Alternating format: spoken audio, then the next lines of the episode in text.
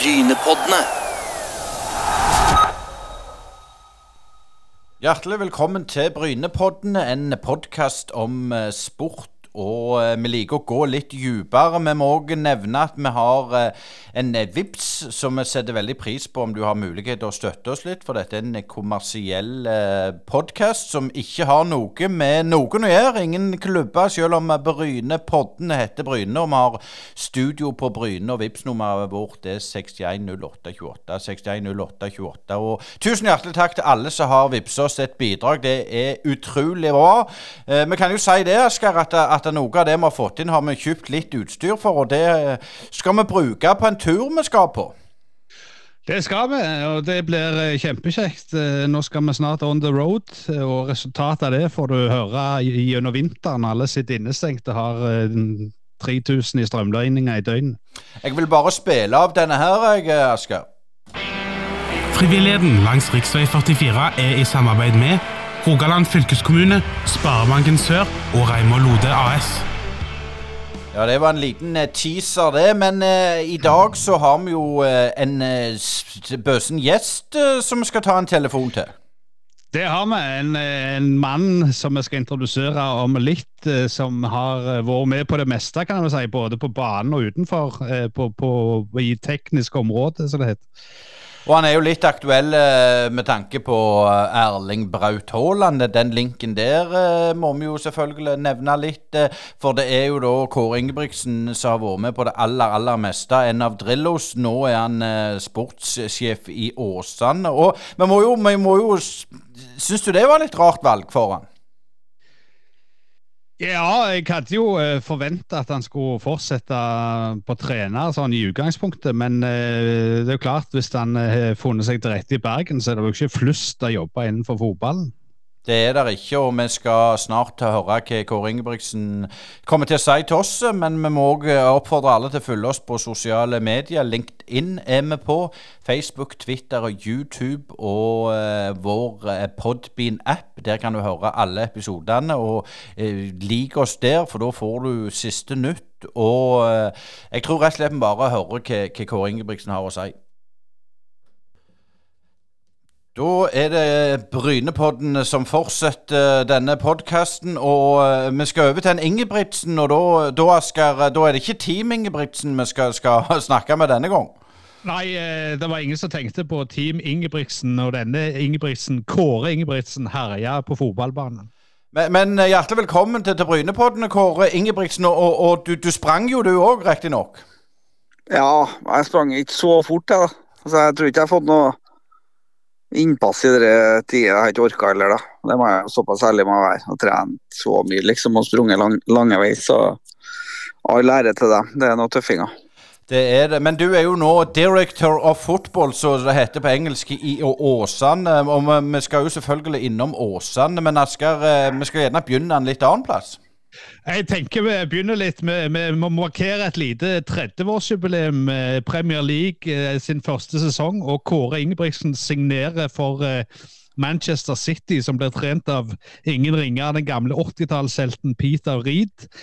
Kåre City den gang, det var noe helt annet enn det vi ser på fjernsyn i dag. Ja, det er nok Jeg er redd for det.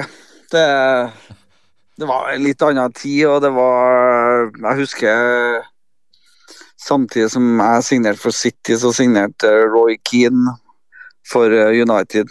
Og det, det, det, det er litt mer svung over Roy Keane, jeg må, må innrømme det. Altså. Det var en litt annen status over eh, United da, men uh, nå har vel egentlig City-fansen fått uh, ja, det jeg mener de fortjener. De har fått et topplag, og det ikke minst så nå er det jo mulig at de får en toppskårer òg. Så nei, det, det er godt, eh, godt å være City-supporter nå. Men, men det var jo eh, holdt på å si, det, det, det klassiske rockebandet Stone Roses sa jo det som spøk, da, at de kom ikke til å gjenforene seg før City tok ligagullet. Altså I 92 det- ligagull og toppen av Premier League, det var noe virkelig fjernt, var det ikke det? Ja, det var det. Det, det var eh, det som vi var og rota opp eh, første året, det var 92-93, så var det vel sjette-sjuendeplass eller noe sånt. Så vi var da aldri noe i nærheten av å utfordre noen om noe pokaler. Liksom. Jeg tror de for og pussa på en fra 70-tallet. Det den, det var det eneste som sto i et stort uh, skap der. Så, så, det var ikke noe det var ikke noe håp om uh, noe tittelutfordring fra det var en, den, den, lå lenger bort, et par steinkast lenger ute i, i, byen der. Men du kom jo fra, fra Rosenborg, så vidt det var topplaget i Norge. Hvor stor forskjell var det? Du har sikkert fått det spørsmålet 100 ganger, men, men eh, du, var det kultursjokk for deg? Ja, kultursjokk på ganske mange måter. Det, det, for det første så litt, Jeg spilte jo med Nils Arne og Drillo, så vi var jo egentlig Vi hadde jo våre roller, og vi visste hva vi skulle spille, og vi spilte på våre styrker. Men jeg følte at når jeg, når jeg spilte uh, spiss sammen med Nile Quinn mot Liverpool, så følte jeg vel egentlig at jeg jeg fikk ikke brukt alle mine styrker. så det det var litt sånn annen form for fotball. Det var, liksom, det var ikke så mye struktur i det, det var, men det var et enormt tempo og, og, og fysikk i det. Så det, det, allerede da så var det et Jeg var jo egentlig veldig godt trent til å være norsk spiller, men jeg fikk jo sjokk når jeg, spilte min første kamp i Premier League, liksom. Det, det, var, det var tøft. Men dette er jo lenge før holdt jeg på å si målinger og sports science og alt det der som kom til senere. Men kan du si litt om byen Manchester? For det, på denne tida så, så det, skjer det jo enormt mye i byen. Det er enormt levende musikkmiljø og den slags. Altså, Fikk dere noe innpass inn i det miljøet òg, eller, eller, var dere liksom rett og slett på, på, på, på stadion og var hjemme resten av dagen? Ja, det er jo mye sånn Det er jo det som alle tror at det er så fantastisk å være fotballspiller i, i Manchester og sånn, og det, det Jeg vet ikke hvordan liv det er. Altså, du, du, er jo på trening. Du, du, kjører inn der og er der fra morgenen av, og så er du der til godt utpå dagen. Og så er det liksom ikke så mye annet å, å gjøre. Det, det, så det, du, du, har ikke noe lyst til å Det er lyst, altså det men halve byen går jo med rød drakt, og halve byen går jo med blå drakt. Og, og hvis du drar i byen, så tar det lang tid å få handla, liksom. Så, så, det Allerede på den tida, så Men det er noe, byen har blitt mye finere når du er i Manchester nå, så er det jo så, så har han jo fått ei voldsom oppgradering. Det, og det må jeg jo si om Vi trente jo på et anlegg ikke så langt unna Main Road, og det, det var jo litt sånn det, det kunne jo sammenligne med en litt sånn gammel engelsk pub. Og så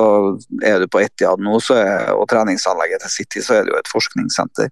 Så det, det, har, det, har, det, har, skjedd mye i Manchester, og det har skjedd enormt mye i Manchester City. Eh, jeg har lyst til å komme litt tilbake til, til Rosenborg, for, for, du går jo eh, holdt på å si 92. Det er jo relativt tidlig i denne enorme oppturen som Rosenborg fikk. Men kan du si litt om Rosenborg som du kom til først, altså på 80-tallet? der? Hvordan, hvordan, var klubben da? Nei, da var det litt uh, Ja, hva skal jeg si? Litt mer eh, uprofesjonelt. Det var Jeg tror ikke det var så mange som hadde referanser i Rosenborg på det nivået, hva som kreves for å vinne. Uh, og og hvordan uh, du skulle trene og oppføre deg som som, for å vinne. Eh, jeg husker i 85 eh, Da var jeg med og vant, egentlig. Da var jo jeg unggutt, men da kom Roger Albertsen og visste liksom litt hva kravene og litt referanser på hva, hva du må gjøre for å, for å klare å vinne. Eh, og Det samme skjedde jo litt når Nils Arne kom i, i 88, at det, hvor mye du må trene og hvor mye du må legge i det for å få, et uh, godt fotballag, og vi klarte det. I starten så var det litt sånn ustabilt. Vi vant jo i 88, uh, eh, og så gikk det et år hvor vi ikke vant, og så vant vi i 90, og så vant vi i 92, og så, så starta jo egentlig Men vi for jo tapt så det sang i Europa, for vi trodde jo fortsatt vi var i Norge og spilte fotball. Før vi lærte at uh, kanskje vi skal prøve å spille litt annerledes når vi møter europeisk motstand. Men vi vet jo det òg at, at Skauen var, var en, en, drivkraft for, for, den nye fotballen, kall det det, og Nils Arne kom inn. Men jeg tenker litt sånn i styrerommet og sånn, hvordan, var det da, det, når du har blitt voksen og sett noe? For det virker jo sånn at de fikk gjøre faget sitt i fred? Ja, da var det folk tok uh, Ingen som la seg borti uh, hva som uh, foregikk egentlig på banen og, og på trening. og nå har jo alle som sitter i styret, sånn nesten føler jeg en egen agenda. Enten er det litt sånn nød og trang til oppmerksomhet, eller så er det å, egentlig vise at du, du som styremedlem får vite og kan dra på byen og fortelle ting som ingen andre vet. Eller så tror de at de kan fotball, og det, det er et fåtall uh, som kan det. Jeg, jeg føler vel egentlig at uh, de som var der tidligere, de kjente vel sin begrensning. Eh, men Kåre, vi er jo alle barn av den der uskyldige tippekamp-lørdagstida. Og nå ser vi jo fotball 24-7 og kan se alt fra Japan om morgenen til Sør-Amerika på natta, liksom. Eh, men, men i hvilken grad tror du det har preget de ulike styrerom, at de sitter og ser og hører historier som f.eks. Pep Guardiolas Barcelona og den slags? Gjør det òg at eh, folk blir liksom fartsblinde med tanke på liksom, hvor norsk fotball er, kontra det de ser på fjernsynet? Ja, jeg tror, jeg tror det er, en, det er, en, del som mister litt sånn uh, gangsynet på det. Uh, og tror at det altså, Hvem er det som skal ta æra for at uh, Bodø-Glimt gjør det fantastisk bra i, i, i, i norsk fotball og, og, i europeisk fotball? Det, det, ikke, det, har ikke kommet ut av en klar satsing av skal vi si Norge. Det det er gjort en eh, god del gode grep i Bodø som har gjort at de har fått fram et, eh, et godt lag. Så, så, jeg tror nok fortsatt at du ser på at de, de, største byene har jo fortsatt ikke nesten i Norge som det eneste landet i Europa klart å, å befeste topposisjon i, i, i fotballigaen. De går jo opp og ned og høyre og venstre. og det, det, vi, vi burde jo hatt Viking Rosenborg, Vålerenga, Brann. Det burde jo vært den stabile massen som har, som har slåss om medaljer. Da tror jeg òg vi kunne hatt eh, enda bedre forutsetninger for å, for å gjøre det bra, bra, i Europa over tid. Så ser vi jo at det går an å gjøre det hvis du, du bygger en god organisasjon, så, så kan du gjøre som Bodø-Glimt. Det er tross alt bare 50 000 som bor i Bodø. Ja, og du har jo vært trener sjøl der, så, så, du har jo en del av æren for den suksessen. For, for eh, det skal du ha. Men, men, jeg tenker litt det der med Når følte du at, at det der eh, jeg kalte det sånn show-off, at folk skal vise at det er kult å sitte i et fotballstyre. Er, er det noe årstall, eller, eller, eller er det 2000-tallet og liksom iPhone-generasjonen som har gjort det, tror du? Ja, jeg føler vel egentlig at uh, det har alltid vært der. Altså, sånn, jeg husker jo før òg, når vi tok lagbildet, så sto jo sju kaller der i dress som skulle være med på lagbildet. Så de syntes jeg var litt ålreit, dem òg. Men uh, de for, forholdt seg til det. Nå er det jo Nå, det jo, nå kan du få bilde av deg sjøl i, i, uh, ja, i alle, alle slags aviser eller nettsider og alt det der. Hvis du hvis du sitter i styret eller uttaler dem noe om fotball. Også. journalister jo, sitter jo bare nå på en stol. De jobber jo ikke som de, de leter jo på Twitter etter en eller annen som sier uh, at han uh, Braut er dårlig, så, så, finner jeg ut ja, men da skriver vi om det. Og så vet jeg ikke hvem er, hvem er som sitter i andre enden. Han kunne ha, ha drukket to kasser øl før, uten at de vet det. Så, så det, det, er litt sånn, det er jo bare Nå er det jo bare Media er jo bare helt spinnvilt. Uten noe, noe liksom greving og god journalistikk. Det, det, og skikk og bruk i, i journalistikken er, den er ganske fraværende nå.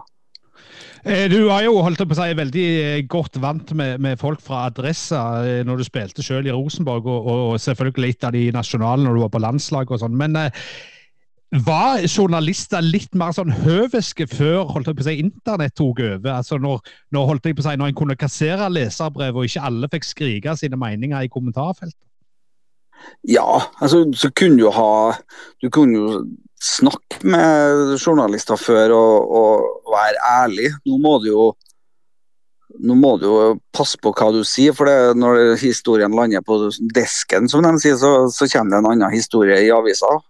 Og overskrifter kan jo ta fullstendig av. Så altså, tror du må Før du snakker med media nå, så må du være Det må være veldig gjennomtenkt, det du, det du, du sier. Og uh, hva du uttaler deg om, liksom. For det, det spres, og alle får lest det. Og det, det, er slutt på at du kan bortimot slenge ut en spøk i, i media. Da, da, da, er det vanskelig etter hvert. Men, men, du har jo vært i Rosenborg og Brann, som vi vet. og det er klart, Der er det jo en syk interesse. Jeg vil si syk, for det er det som du sier. Du kan ikke slenge og ha litt kommentarer, for da blir det, blir det store saker. Men det ødelegger jo en del for norsk fotball. Så sånn som du har vært rundt i Europa både som spiller og trener, er det sånn der òg, tror du? Nei, de plassene jeg har vært, så har du én dag hvor du snakker med media. Og Da må de be, og så må de sende inn spørsmål. Og så, det, er bare, det er jo bare Norge. Du kaller det åpenhet at media skal ha tilgang på spillere og trenere til all tid de ønsker. Det, det, det er kun i Norge. Men tror du det, tror du det på en måte skremmer utenlandske trenere? For jeg ser jo det når du, du var i Rosenborg, så, så det ble jo gale samme hva du sa. Ja, ja, ja. Det, det, det, altså, når media bestemmer seg, så, så, så, så vinkler de jo det, dit de vil. Og det, det er jo en, det er en, det er en posisjon de har. Eh, og det, det trenger jo ikke å være folk som altså De fleste journalister er jo nå at de har jo ikke peiling på fotball. Det, det har de ikke. Det er så, nå dekker jo en journalist Før kunne jo ha spesialister på fotball. og Eh, men nå dekker de jo kultur, fotball og utenriks og religion. Liksom, da må det være OK på, på de fleste tingene, men det, det, det, er et fåtall som har ordentlig god, dyp uh, forståelse for fotball. Og det, det er jo en utfordring. Det, det når, når jeg kommer ned i Mikson, og så kommer det en fra Folkehøgskolen i Sogndal og nettopp eh, eksaminert fra journalistskolen og skal fortelle meg hvordan jeg skal gjøre jobben min. Og det, det er vanskelig. Jeg tenker litt på det med, med, med, med styrerom. og nå, og nå, vet jeg sånn som I Bryne fotball så har jo eh, B-gjengen styrerepresentanter og fansen styrerepresentanter. Er det òg sånn som så, så er litt sånn spesielt i, med tanke på norsk uh, fotball? Ja, i europeisk fotball så ser du ikke styret, eller du møter jo ikke noen av.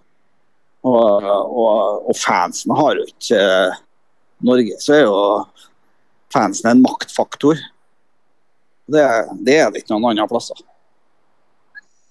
De har jo litt å si, men eh, det, det, det, kan ikke være sånn at det, det er supporterne som bestemmer om du skal spille på kunstgress eller naturgress. men, men, Kåre, jeg har lyst til å spørre deg litt om, om eh, Rosenborg. Altså, du, du, du, forlot det jo som sagt i 92, og så kom du tilbake et par ganger på 90-tallet. Og så kommer du da tilbake som trener etter hvert. Eh, holdt på å si, er assistent en periode, og så går du inn som hovedtrener.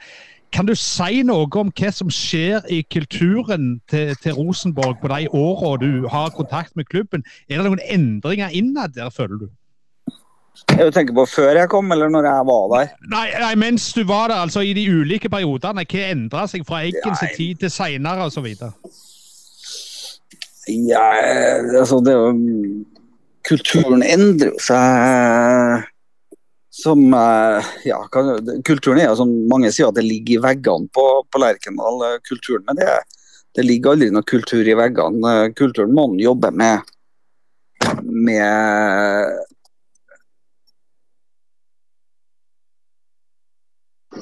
Så, og det, er, og det er jo ulik kultur fra, fra hver trener.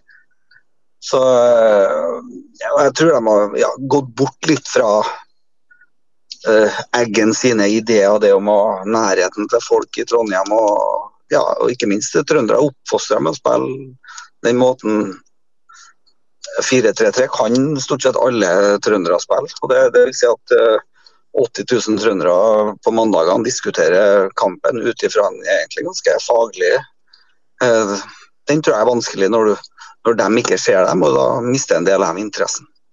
Men jeg tenker litt på det som du sier med, med det DNA-et til en klubb og alt det der. Men når var det du fant ut at du ville, ville gå managerveien? Nei, jeg var jo Hva skal jeg si? Jeg var, trente jo akademiet i Rosenborg, og så var det litt sånn Skal jeg fortsette med det, eller skal jeg finne ut hvor langt kan jeg gjøre det her? Og så gikk jeg opp til Da var Rune Bratseth sportsdirektør, og så gikk jeg opp til han og så spurte jeg hva må jeg gjøre for å bli manager i Rosenborg. Og da sa han ja, da må du ut og trene. Ja, men da må jeg gjøre det. Da fant jeg ut da, da da ja, gikk jeg jo til Ranheim, og så havna jeg i Glimt. Og så var jeg da ute i sju år før jeg kom tilbake. Ja, du var jo innom Viking òg i denne perioden. og Hvilken klubb var det du kom til da? Du var vel eh, assistenten til, til, til Kjell Jonevret, svensken som vi vet spilte òg for Viking. Hvilken klubb kom du til?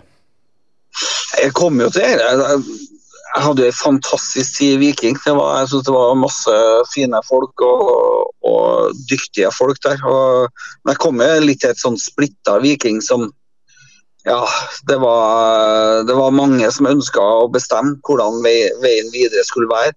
Og det, det var klubben prega av, og ble mer og mer prega av det. Eh, jeg hadde en fantastisk eh, sjef i, i Arne Larsen Økland som som eh, ja, til slutt ga seg for at det var det ble for mye, mye, rot, og det tror jeg var et voldsomt tap. Etter det så føler jeg vel egentlig at det ble litt kaos i, i Viking, og så har de virkelig fått samla seg de siste årene. og Nå er det godt å se Viking eh, tilbake der de skal være. Eh, du velger jo å gå til Rosenborg da sommeren der 2014, er det ikke det? Og, og researchen min viser jo etter du reiser, så, så går det veldig dårlig med, med, med, med Viking. Og, og det har vi litt med det vi sier med den der splittelsen og sånn. Er det litt det som vi er inne på med styre og ulike forståelse av ordet fotball? Ja.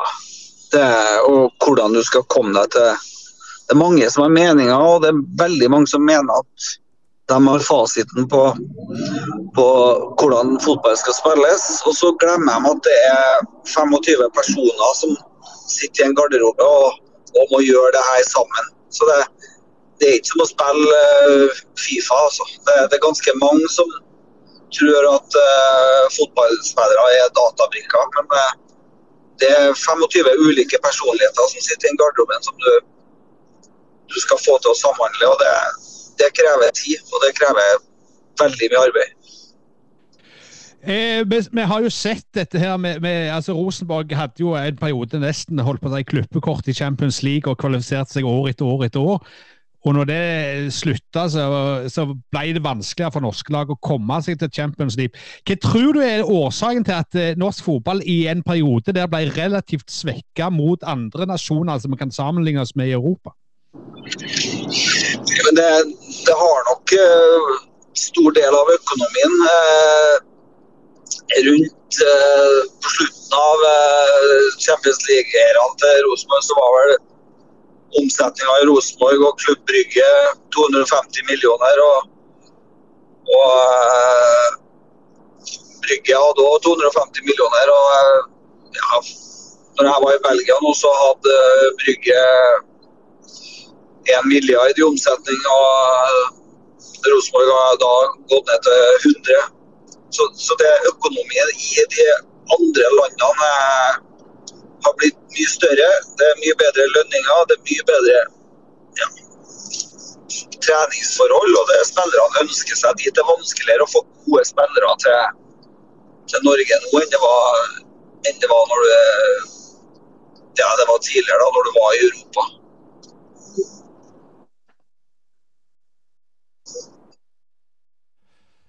Ja, du er i bil, hører jeg, Kåre, så vi hører deg litt sånn ja. dårlig av og til. Men, men, men uansett eh, nå, nå, når du gikk til, til, til Fikk fyken i Rosenborg der eh, De har jo slitt etter seg, og, og, jeg tenker det, du, du, må jo på en måte være, være Jeg skal ikke si bitter, men hva tenker du om det i dag? Når du ser hvordan det har gått etterpå? Nei, det er jo altså, ja, det er, egentlig så er det mest så er det jo trist å se Rosenborg eh, Ikke minst jeg ser at eh, det er 6000 som er på Lerkendal og ser Rosenborg-Ålesund. Eh, det syns jeg er trist. Det, det, men igjen så står det i at det, det, er for mange som tror de vet hvordan ting skal gjøres. Og tror det bare å gjøre sånn og sånn, så er det så er det en quick fix i fotball, men det, men det er det ikke. Det, det er systematisk jobbing med, med styre og administrasjon og sportslig over tid som, som skaper gode resultater. Så det, men fotball har, har ofte ikke tida til, til, til, å vente på at uh, ting ja, utvikler seg.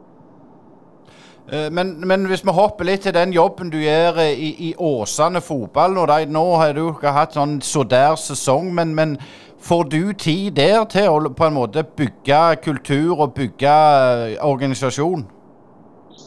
Ja, det er vel egentlig det jeg prøver mest med. Altså, å bygge kultur og la dem ikke minst forstå hva som kreves for å, for å bli god. Eh, hvor mye må du trene? Et av de viktigste grepene var å hente Morten Gams Pedersen og putte han inn i garderoben. Han er en, fortsatt en meget god fotballspiller og en av de best trente fotballspillerne i, i, i Obos, definitivt. Eh, og han har hatt veldig god påvirkning på de unge spillerne som får referanse på hva, hva er, hvor ligger lista alle. Hvis du spør alle, så har alle lyst til å spille for City og United og Liverpool. Det er ikke alle som orker å gjøre den jobben som uh, de som har kommet hit, uh, har gjort. Også. så uh, ja. Men, men, vi må litt tilbake til dette du nevner om at ting tar tid og sånn. altså, Og, og, og trenere får jo sjelden tid, for det at det der er en eller annen vedtak om at vi skal ha det med en gang, akkurat som instant coffee, holdt jeg på å si. Men hvis du skulle liksom tenker at du skal bygge opp noe. Altså, Hvor lang tid bør en ha det sånn innenfor rimelighetens grense hvis en skal ta et prosjekt som, som en sånn, ja, sånn halvfallerte klubb og bygge den opp igjen, f.eks.?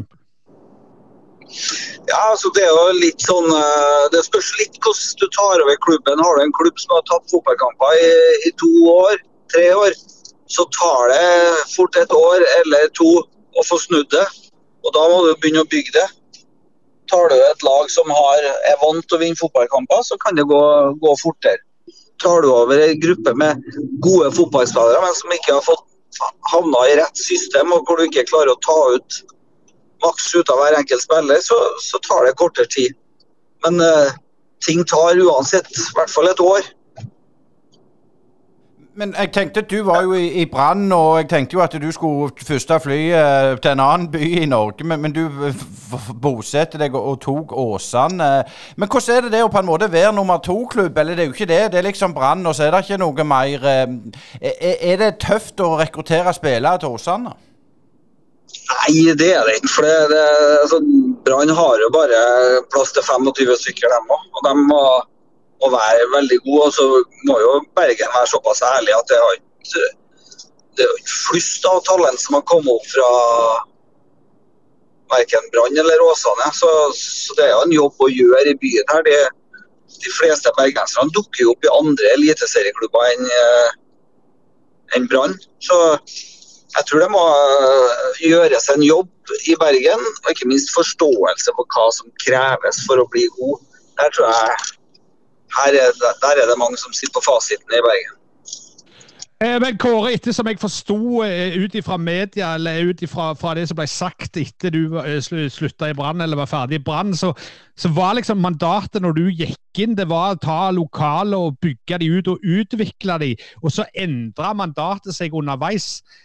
Hvor frustrerende er det som trener å liksom har, har signert på én ting, og så midt underveis så går strategiplanen ut vinduet, og så må du begynne på noe helt annet? Ja, men det blir jo bare helt håpløst. Men det var jo en liten sånn Men det har jo litt med det når det blir press. De første som gir etter presset, er jo dem som sitter i styret. For de er ikke vant til det. det da er det liksom Det, det tar. Det, det, det klarer de ikke, for da begynner det dem rundt dem og påvirke dem. og så nei, Da er det enkleste da sparker vi treneren, og så blir det i hvert fall litt ro for meg. Og det, Sånn er fotball. Men jeg tenker litt sånn som å være trener i dag kontra det for 20 og 30 år siden du spilte. Du, du må jo være mye mer enn en god trener. For klart, er du ikke på lag og spiller kort og riktig overfor media, så, så holder du ikke lenge rundt forbi. Nei, og så har jo spillerne endra seg. Altså, hvis den, eh, nå, jeg hadde jo Nils, og Nils var ganske direkte til oss. Jeg har en del spillere opplevd Nils nå, så tror jeg de har dratt hjem. Det, så du må ha en helt annen inngang til, til spillerne. Det, det, det, er 25 stykker som sitter inne i garderoben, om de er 17 eller 35, så, så handler det om å, å, bli sett og få oppmerksomhet. Og, og Du må ha tid til alle. og det det, og du må bli kjent med alle for at du, du, skal, ja, du skal være der for alle. Så det, det, er, en, er en veldig omfattende jobb, det er det. det, ja, det er, en, er en lederjobb. Men jeg tenker, nå vet jeg litt fra, fra researchen at du er jo òg tøff nå i den nåværende jobben din nå. Er det noe du, du er bevisst på det, at, at fotballen endrer seg? At du må rett og slett være litt mer soft? Ja. Det, det må, du må endre deg i forhold til det dem du får i garderoben. Unge spillere nå er, er Ja, du må forklare det på en annen måte. De trenger mer oppmerksomhet. De, men de liker å bli pusha, de liker å ha rammer og, og, at det blir stilt krav til dem. Men de liker veldig å bli sett. At de gjør de det de gjør, og gjør jobben sin. Da, hvis du klarer å få binde sammen det der, så får du spillere som, som kan gjøre Ja, da gjør de alt for det. Men eh, hvis du bare slenger og kjefter på dem, så da går de bare en annen vei. altså. Men, men, du som har vært så lenge i fotballen, altså, er det eh, på en måte en tid du kan si at der går skillet mellom den klassiske garderoben, der veteranene tok tak i ting og sa 'skjerp deg, gutt', og kom deg opp om morgenen, og, og at en måtte øve på mer sånn psykologisk tilnærming? Jeg vet ikke. Rundt, jeg vil tro sånn rundt 2000-tallet eh, føler jeg at uh, inn i 2000 så har det vært blitt en større og større mangel på ledere i, i norsk fotball. Det, det, men det er mye annet som har kommet inn i bildet. Det prates mindre fotball, du har telefoner. du har På bortekamper nå så har alle iPad og øreklokker. Og mens vi satt i bussen og diskuterte fotball og flytta kaffekopper og skulle til å si sneiper, men uh, vi gjorde ikke det. da, men uh, det, ja, det, den, uh, nå spiller de heller Fifa.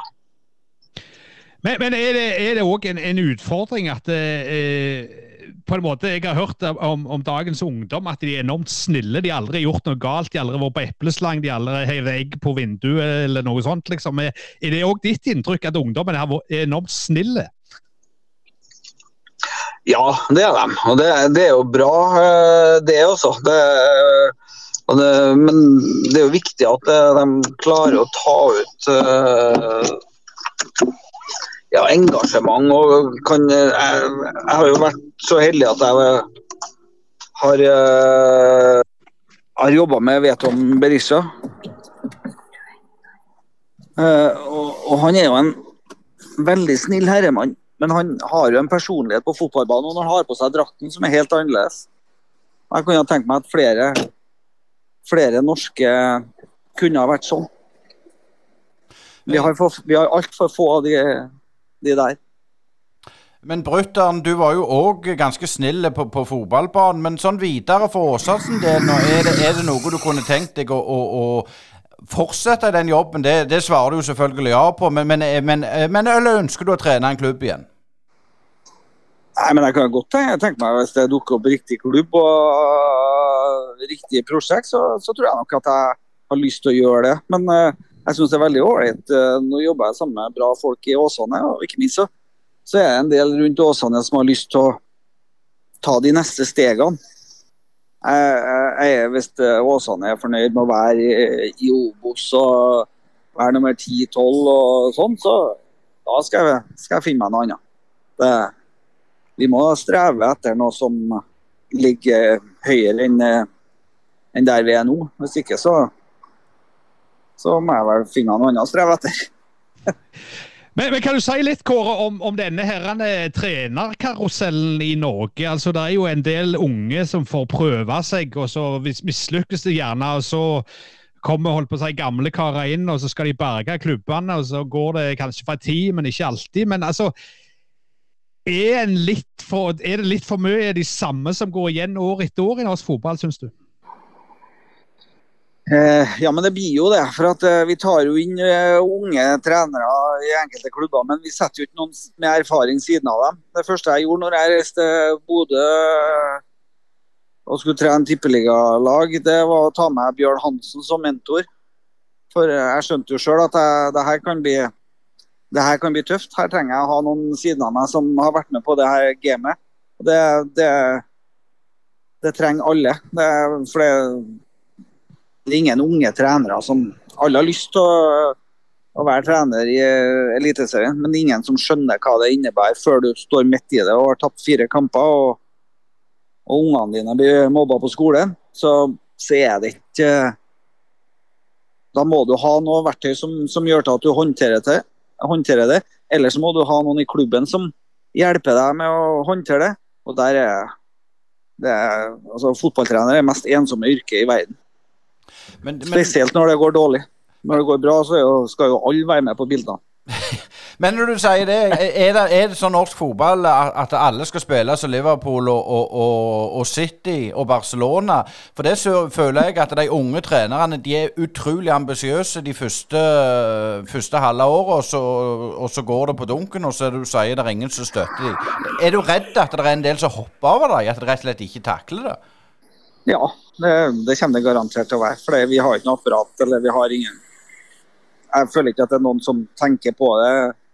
Og det er ingen som klarer å forberede deg på det kjøret der gjennom en utdannelse i, i, i forbundet. Du må ha noen i klubben som, som ja, kan være med. Og, men da må de helst egentlig ha vært med på det sjøl. Så, så det, det, det kommer til å være en del som hopper av. og så tror jeg folk må slutte å kopiere trenere og lag de ser på TV-en. De må ta litt fra alle, og så må de sette sammen sitt eget. Og det, Idet det blir ditt eget, så, så tror spillerne på det. For da tror du på det sjøl. Uh, helt til slutt, Kåre, må spørre om det. Når du sier du ønsker Eller du, har ikke gitt deg som trener. Eh, har du lyst til å reise ut igjen, eller, eller, fikk du skrekken når du hadde litt sånn uheldige episoder på Kypros og litt rundt forbi? Nei, Nei, det har ikke jeg. Jeg hadde uh, I Belgia så var jeg kjempehappy. Der, da dro jeg jo egentlig bare for at klubben hadde økonomiske problemer. Uh, Kypros fikk jeg jo sparken for at jeg, ja, jeg ikke kjefta nok. Det, jeg var for snill, uh, men jeg, har fortsatt kontakt med en del av spillerne.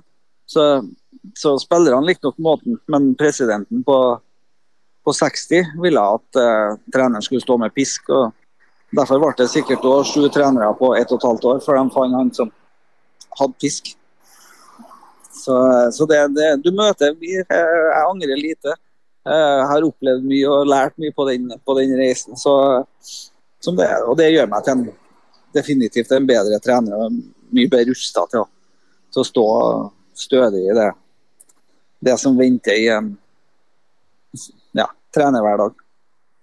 Eh, til slutt eh, noen ord om eh, de siste åtte rundene i Obos. Tror du tabellen blir sånn noenlunde på bånn sånn som den ser ut i, nå, eller tror du det kommer noen sånne sluttspurter fra de Oslo-lagene?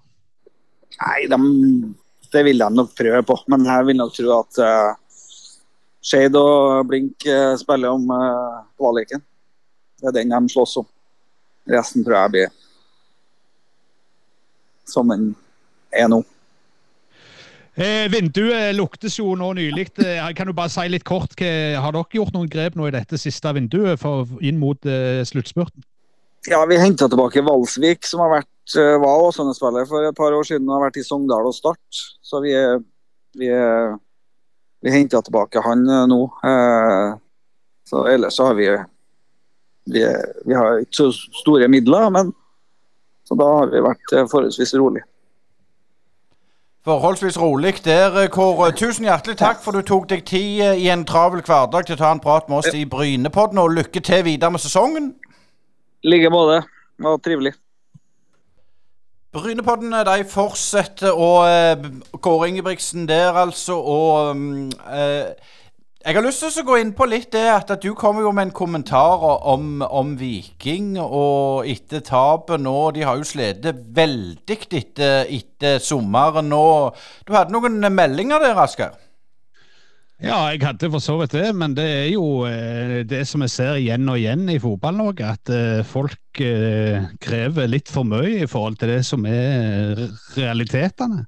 Og Det perspektivet tror jeg vi mangler i fotballen. Det har blitt altfor mye fokus på, på drømmer og, og, det som folk tror at alle klubber kan gjøre og bruke så mye penger de vil. Men det er jo sånn, hvis du kjøper deg en leilighet, så går du ikke og kjøper 5000 dagen etterpå. Da går du konk. Ja, og det er jo litt inngang til, til neste Brynepod som kommer neste torsdag, der vi skal innpå litt dette med sosiale medier og kommunikasjon både på fans- og klubbsida. For som du sa, eller skrev i kommentaren, så kan, det leses på vår Facebook-side at, at, at, at det er en liten skare som liksom styrer mediebildet. Det er det, og du hørte jo ganske klare meldinger fra Kåre Ingebrigtsen òg eh, eh, når det gjaldt media, om, om, det som man vel Om man ikke brukte direkte det ordet, så kan du jo lese det som man kaller det for, for en del inkompetanse i media, at folk ikke kan nok om spillet, om, om taktikk og ting rundt. og jeg tror kanskje det, det, er litt i det der, for, for uh, fotball er ikke noe enkelt, selv om folk tror det er enkelt å bare telle mål. Men du ser på, på taktikere, det kreves uh, innsikt i, i, hvordan spillet spilles. Uh, hvordan spillerne springer, hvor mye de jobber, hvor feilen skjer før et mål. Det kan være i 16-meteren til motstanderen, men så får han stakkars Bekken som er på, på etter, ettertid skylda i plassen. og så det er, det er massevis av ting rundt fotballen, og, og, dessverre så er det kanskje sånn av og til at sporten der er det liksom Hvis du har vært en habile fjerdedivisjonsspiller, så er det greit at du er sportsjournalist. Jeg er ikke sikker om det samme gjelder f.eks. for, for uh, utenriks- eller økonomijournalistikken. Nei, selv om du har hatt uh, Kusmo eller Røde hunder, så blir du ikke doktor av den grunn. Men i dag uh, så er det faktisk uh, Europa League, og PSV de tar imot Bodø-Glimt. Og det er interessant å se hva Bodø-Glimt kan prestere med Marius Lode, forhåpentligvis, på banen. Og mm, vi må jo selvfølgelig innom litt det som skjedde med en nordmann som gikk til en russisk lag og ble utestengt ifra landslaget. Hva syns du om det, Asker? Nei, Jeg syns det er en korrekt avgjørelse. Når, når forbundet har flagga så høyt dette med Qatar-VM, så, så, kan de ikke la et, et, land som har angrepet et annet land, og, og det er en generell boikott mot idretten deres, gå unna radaren deres og, og late som alt er OK. Så, så jeg mener det er 100% korrekt. Eh, men eh, jo, En må jo stille litt spørsmål om, om, de agentene som har solgt nordmenn, nordmann. Altså, det er jo et engelsk eh, agentur som, som, som eh, styrer den. Så, så det sånne ting en bør se litt nærmere på. Er det andre nordmenn de har, eh, nordmenn de styrer, f.eks.? Og, og hvem er de, og, og hvorfor velger de å være under en sånn agent som, som driver og selger folk til, som egentlig til, til land der det ikke er bra? og jeg tror ikke at nordmann på sikt kommer til å, å, være noe veldig happy med dette valget. Han hadde sikkert andre valg. og det er jo klart det, det er ikke eh, like mye som en tjener i Premier League han kommer til å tjene heller. og det er jo klart eh, Diktatur er diktatur, og han kan sikkert bli brukt uh, av regimet på en eller annen måte. og sånne ting, Det kjenner vi jo til. Ja, jeg må bare, ja men jeg må bare avbryte deg litt, Asgeir. For jeg er faktisk ikke enig. Jeg tenker Eh, jeg tenker der med, med, tanke på hvor går grensa. Altså, vi vet Egil Drill Olsen var trener for Iran. Skal han ikke være eh, NRK sin, eller TV 2 sin, sin fotballekspert? Og, altså, hvor går grensa? Finn Olstad sa det jo sist. La idrett være idrett og politikk politikk. Eh. Så det, jeg syns ikke noe sånn så enkelt svar. Ja, Drillo jo trente Irak, bare for å ha ja, det, det stemmer det. Eh, det, det. Begge to er jo nærme, men, men altså, situasjonen i Irak var jo da etter amerikanerne kom inn og, og okkupert landet, og sånn, så det var litt annerledes. Det var ikke, Men du har eh, Jørn Andersen som, som trente Nord-Korea. Nå er vel han riktignok litt tysk statsborger, men der har du jo et skikkelig diktatur på alle måter. men jeg jeg syns faktisk at eh, når forbundet har, hvis forbundet vitterlig har begynt å politisere seg litt, eh, iallfall med tanke på Qatar og det som skjedde rundt der, så, så må en iallfall stå for den linja. En kan ikke liksom begynne å slippe opp og si at det er greit for en del og en ikke. Så der får vi vel si at vi er uenige. Men jeg tror ikke at nordmann kommer til å og, og, og, ha det så veldig kjekt i Russland. Og vi vet jo ikke hvordan denne krigen kommer til å ende eh, heller. Så det får vi se når holdt på å si utover vinteren og våren, om, om det blir noe eh, avslutning på krigen. Men jeg tror ikke forholdet mellom Europa og Russland kommer ikke å endre seg markant eh, på lang, lang tid. Men det får være litt sånn inngang til neste pod. Eh, følg oss der, for der kommer vi til å diskutere litt uh, dette enda mer, om kommunikasjon og, og, og så videre. Men uh, vi skal òg gjøre kjekke ting framover, og da må vi bare komme med denne oppfordringa her. Frivilligheten langs rv. 44 er i samarbeid med Rogaland fylkeskommune, Sparebanken Sør og Reimar Lode AS. Vi skal ut på jul, og det kommer du til snart høre på en Bryne-podkast nær deg. Og eh, vi må jo selvfølgelig helt til slutt innom Bryne, som fikk et sterkt bortepoeng mot Stabæk. Og neste runde så er det Sogndal hjemme, og det ser bedre ut nå. Ja, det ser ut som ting er stabilisert, og, og unge Krüger som vi hadde i studio, eh, har jo løfta laget markant. Eh, de som sliter litt mer, er jo Sandnes, som har gått inn i en sånn motbør. Men er ikke dette Obos-ligaen utenom Brann, som da er rykket opp eh, nå? Og Gratulerer til deg, selvfølgelig. Ja, så ikke dette litt Obos-ligaen, at ting ser ut som at de setter seg, og så plutselig blir det fire-fem kamper der alt blir snudd på hodet. Unntaket er vel Stjørdalsblink. Til og med Grorud vant jo sist runde. Det gjorde de, og nå må vi si takk for følget, og følg oss på våre sosiale medier. YouTube, Twitter, LinkedIn, eh, Facebook og Instagram. Det var det vi hadde. Tusen hjertelig takk for følget. Øystein Nygaard og Asgeir Ueland takker for følget. Brynepoddene.